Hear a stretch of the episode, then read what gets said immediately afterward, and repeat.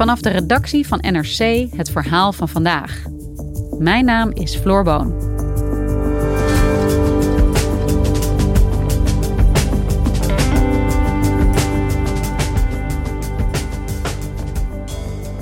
Nog even doorzetten, dan is de crisis zo voorbij. Zo werd het burgers de afgelopen anderhalf jaar voorgespiegeld. Maar corona is niet zomaar voorbij. Coronaverslaggever Wouter van Loon ziet hoe de hoofdrolspelers in de coronabestrijding vastlopen, terwijl de coronamoeheid in de hele samenleving toeslaat.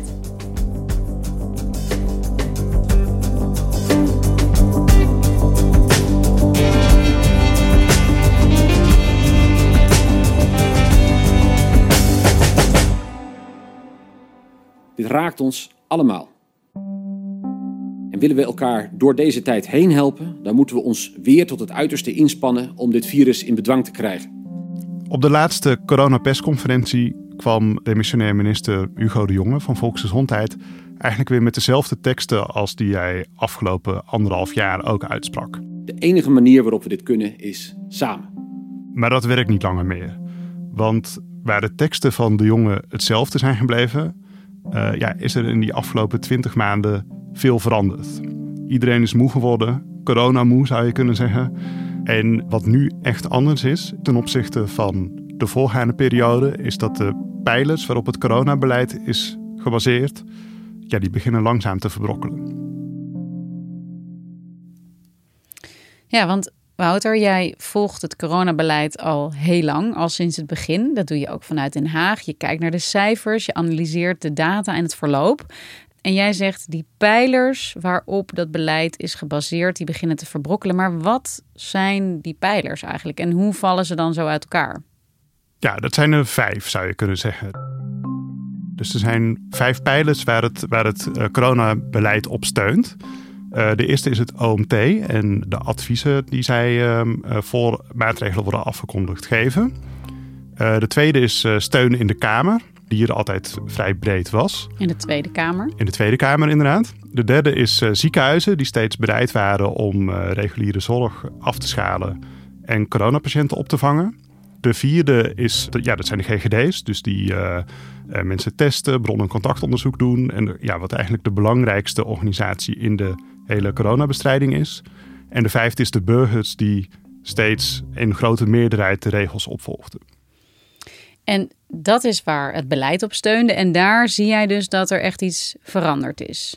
Ja, je zag in een week tijd eigenlijk dat al die pilots, ja, dat dat begint vast te draaien langzaam. En kan je dat uitleggen? Waar zie je dat aan? Ja, zullen we ze gewoon één voor één doorlopen? Heel graag. Dus laten we dan beginnen bij het OMT, het Outbreak Management Team. En die komen um, voor elke persconferentie waarop uh, maatregelen worden aangekondigd, komen zij bij elkaar. En dan komen ze met een advies. En anderhalf jaar lang was het OMT eh, had best wel een aardige consensus over wat voor maatregelen je zou moeten nemen. En het kabinet verschilde zich daar ook vaak wel achter. Hun advies is vanaf het begin leidend geweest voor alle maatregelen die tot nu toe in Nederland zijn getroffen.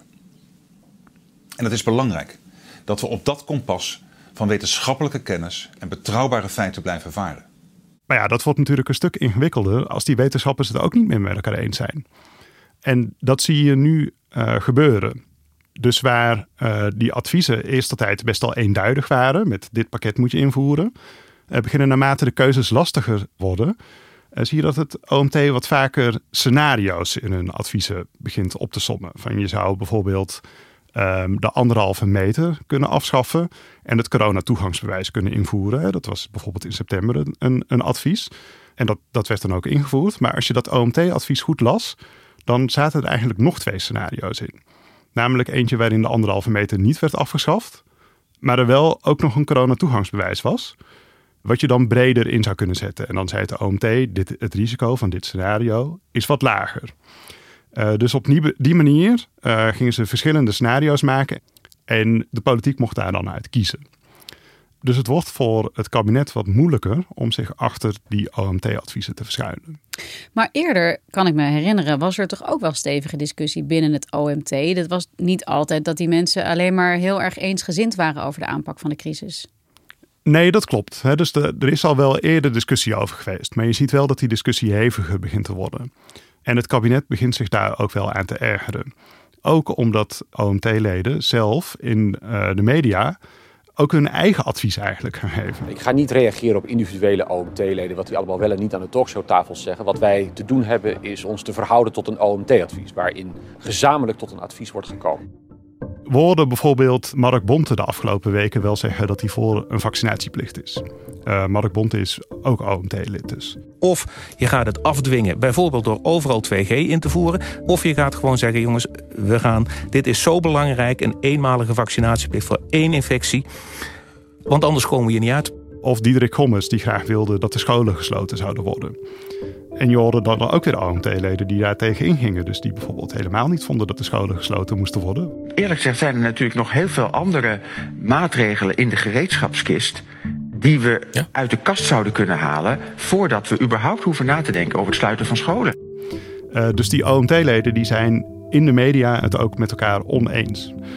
En dat heeft natuurlijk ook weer gevolgen voor ja, hoe dat in het land wordt ontvangen of in de, in de Kamer. Dus ja, dat ligt, dat ligt heel lastig. Ja, en dan kom je meteen al bij de Tweede Kamer, zeg jij. Waar zie je dan daar het effect? Ja, dus de Kamer die was heel lang, ging eigenlijk vrij makkelijk met die maatregelen mee. En die werden ook vaak heel breed aangenomen. Um, maar de laatste tijd wordt dat lastiger. En dat komt ook omdat de keuzes lastiger worden, zou je kunnen zeggen. En dan is het duidelijkste voorbeeld, denk ik, de coronapas en het 2G-beleid. Die coronapas, dat was het eerste moment waarop het kabinet echt moeite had om steun in de Kamer te krijgen. Dus uiteindelijk werd die coronapas aangenomen, maar dat was een kleine meerderheid. En het kabinet had moeite om daar uh, steun voor te verzamelen. En als je dan kijkt naar het 2G-beleid, ja, daar is echt voor coronabegrip in elk geval eindeloos over gediscussieerd. Uh, nog steeds geen besluiten over genomen. Er wordt nog steeds in de Kamer over gediscussieerd. Dus je ziet ook dat die uh, maatregelen die meer omstreden worden, die meer aandacht en discussie vragen van de Kamer, dat die de snelheid waarmee je zo'n crisis uh, wil bestrijden en de snelheid waarmee je maatregelen wil nemen, ja, dat is een tegenspraak met elkaar. Hè? Dat, ja, dat maakt het moeilijker.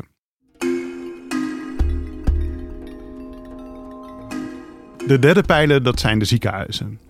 Je zou kunnen zeggen, dat is uh, de meest kritieke pijler uit de coronacrisis. Hè. Daar komt alles samen, daar gaat het over leven of dood. En de afgelopen anderhalf jaar wisten die ziekenhuizen op de een of andere manier steeds weer uh, al die, die stroom coronapatiënten op te vangen. Zeker in de eerste golf, uh, ja, toen werd er zeker uit de IC-afdelingen, daar, ja, daar werd echt alles uitgerekt wat er uitgerekt kon worden ongeveer. Zoals u weet hebben we ons ten doel gesteld om in het weekend op 2400 beschikbare bedden te zitten. Uh, twee dagen geleden was dat 1900 en we zien dat we langzaam toegroeien nu naar 2100. Als je kijkt hoe dat nu gaat, dan ja, de, die, die ziekenhuizen kunnen dat niet nog een keer aan om nog een keer zoveel patiënten op te vangen. Dus het kabinet heeft gevraagd om op het hoogtepunt in elk geval 1350 IC-bedden vrij te kunnen maken. Maar ja, in die crisis is natuurlijk heel veel gebeurd. Hè? Dus die zeggen, nou, die 1350, dat willen we wel proberen, maar wij denken eigenlijk dat dat niet gaat.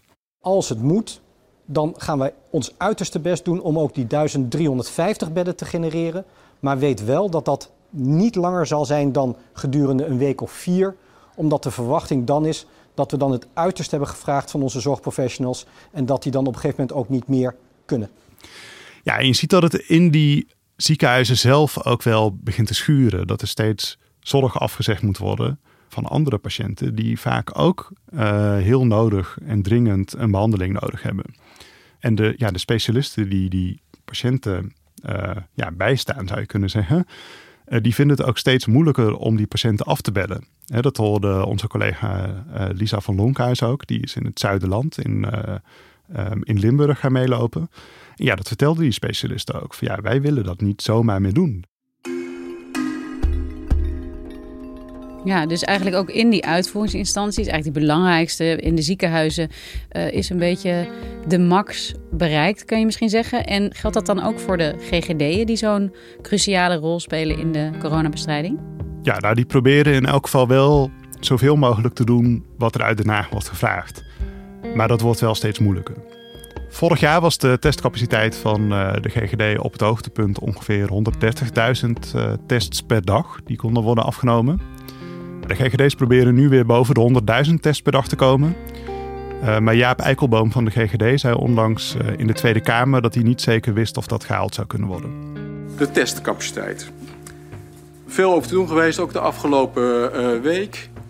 Daarbij uh, kan ik hier u laten zien dat wij meer dan, binnen twee weken meer dan verdubbeld zijn in, in, capaciteit. We beloven niet te veel, maar we proberen het uiterste te doen wat nodig is en wat mogelijk is. En de mogelijkheden kennen soms grenzen. Ja, dus eigenlijk bij al deze clubs, dus uh, zowel in de ziekenhuizen als bij de GGD's, als ook in de Tweede Kamer, begint gewoon steeds meer weerstand te ontstaan tegen nou ja, de, de afkondiging van zo gaat het, zoals het nu gaat vanuit Den Haag. Ze, ze gaan gewoon iets meer tegengas geven. Ja, zo zou je dat kunnen zeggen. En dat is dus in de vijfde pijler, de bevolking, zie je dat ook ontstaan. En dan gaat het dus over hoe goed worden de regels opgevolgd, de maatregelen die worden afgekondigd. En je ziet daarin dat het draagvlak voor die regels nog best hoog is. Dus dat is tussen de 80 en 90 procent van de bevolking staat achter de belangrijkste regels. Zoals uh, anderhalf meter afstand houden en handen wassen. En testen bij klachten, zulke dingen. Ja. Maar het wordt steeds lastiger om die regels ook op te volgen.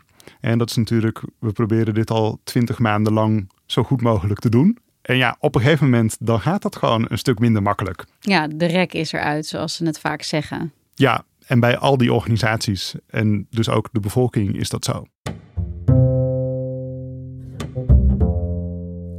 Ja, en als je het zo beschrijft, dan hoor ik ook heel veel ad hoc beleid uh, dat er is uitgevoerd door de regering, wat ook wel heel begrijpelijk is in, in een crisistijd die ons allemaal is overvallen. Maar goed, wat jij zegt, de crisis duurt al twintig maanden. Hè. We gaan richting de twee jaar nu. En mensen, nou ja, ik ook, snakken ook wel naar perspectief. Hoe zit het met dat perspectief? Dat lange termijn. Waar gaan we naartoe? Ja, nou, dit is dus een uh, probleem dat zagen de uh, eh, WRS, de Wetenschappelijke Raad voor Regeringsbeleid, en de KNAW, de Koninklijke Nederlandse Academie voor Wetenschappen. Die zagen dat ook. Die hebben een onderzoek gedaan naar vijf lange termijn scenario's. En wij hebben die onderzoekers gesproken en die zeiden nou, er is steeds één hobbel die we nog moeten overkomen. Hè? Dus dat is bijvoorbeeld, uh, we moeten de testcapaciteit op orde krijgen. Dat was het bijvoorbeeld vorig jaar. En als we dan heel veel kunnen testen, dan kunnen we die golf wel aan. Op een gegeven moment werd dat een hoge vaccinatiegraad.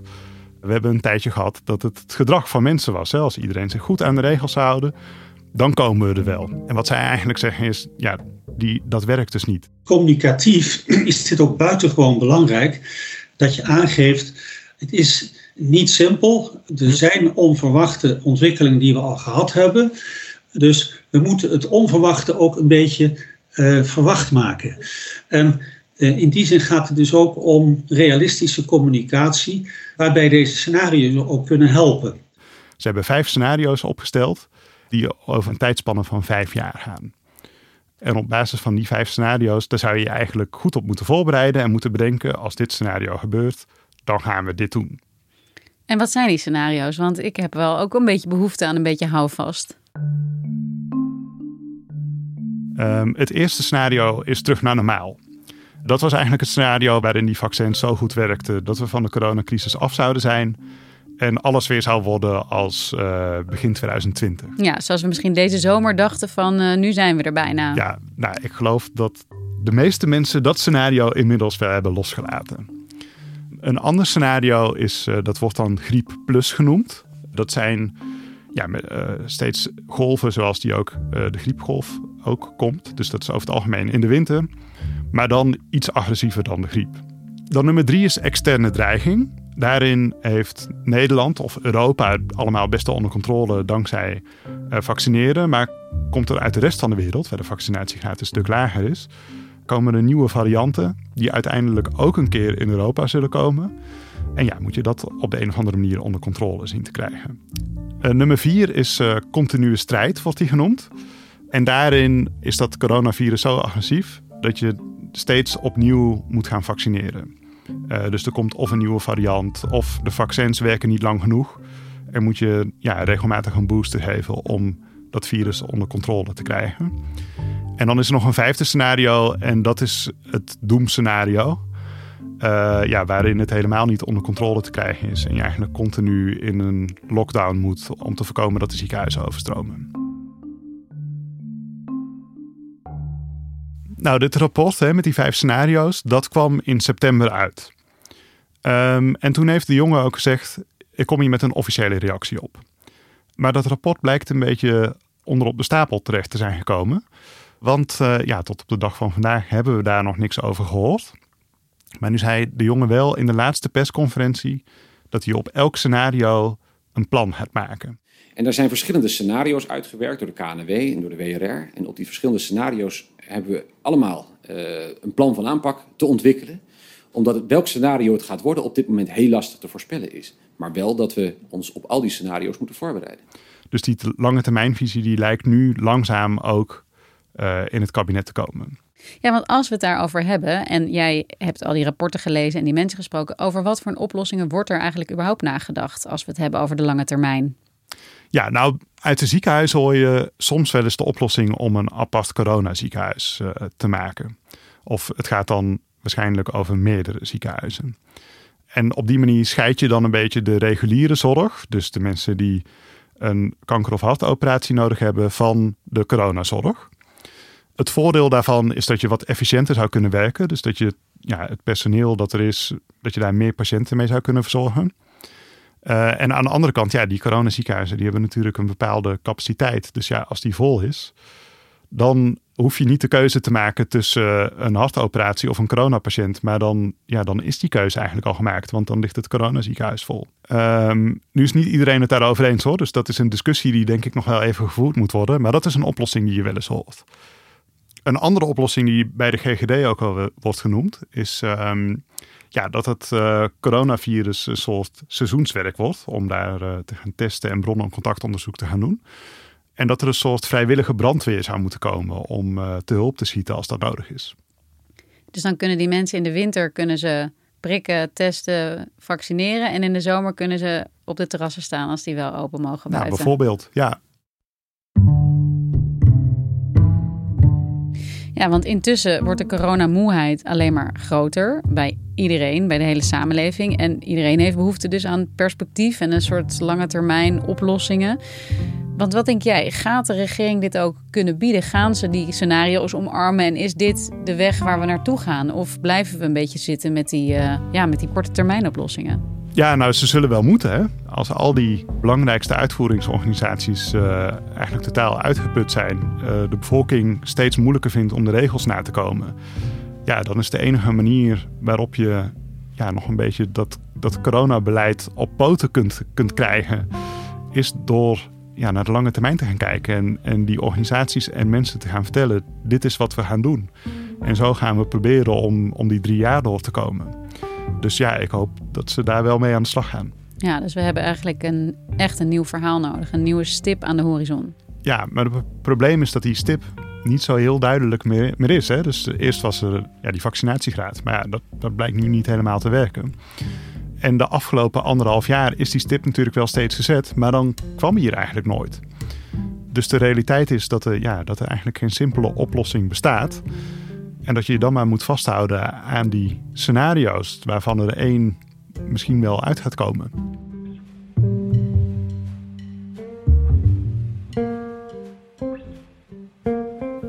Dankjewel, Wouter.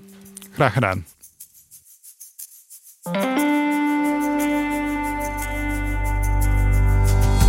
Je luisterde naar vandaag, een podcast van NRC. Eén verhaal, elke dag. Deze aflevering werd gemaakt door Wijken van Koolwijk, Ruben Pest en Jeroen Jaspers. Dit was vandaag. Morgen weer.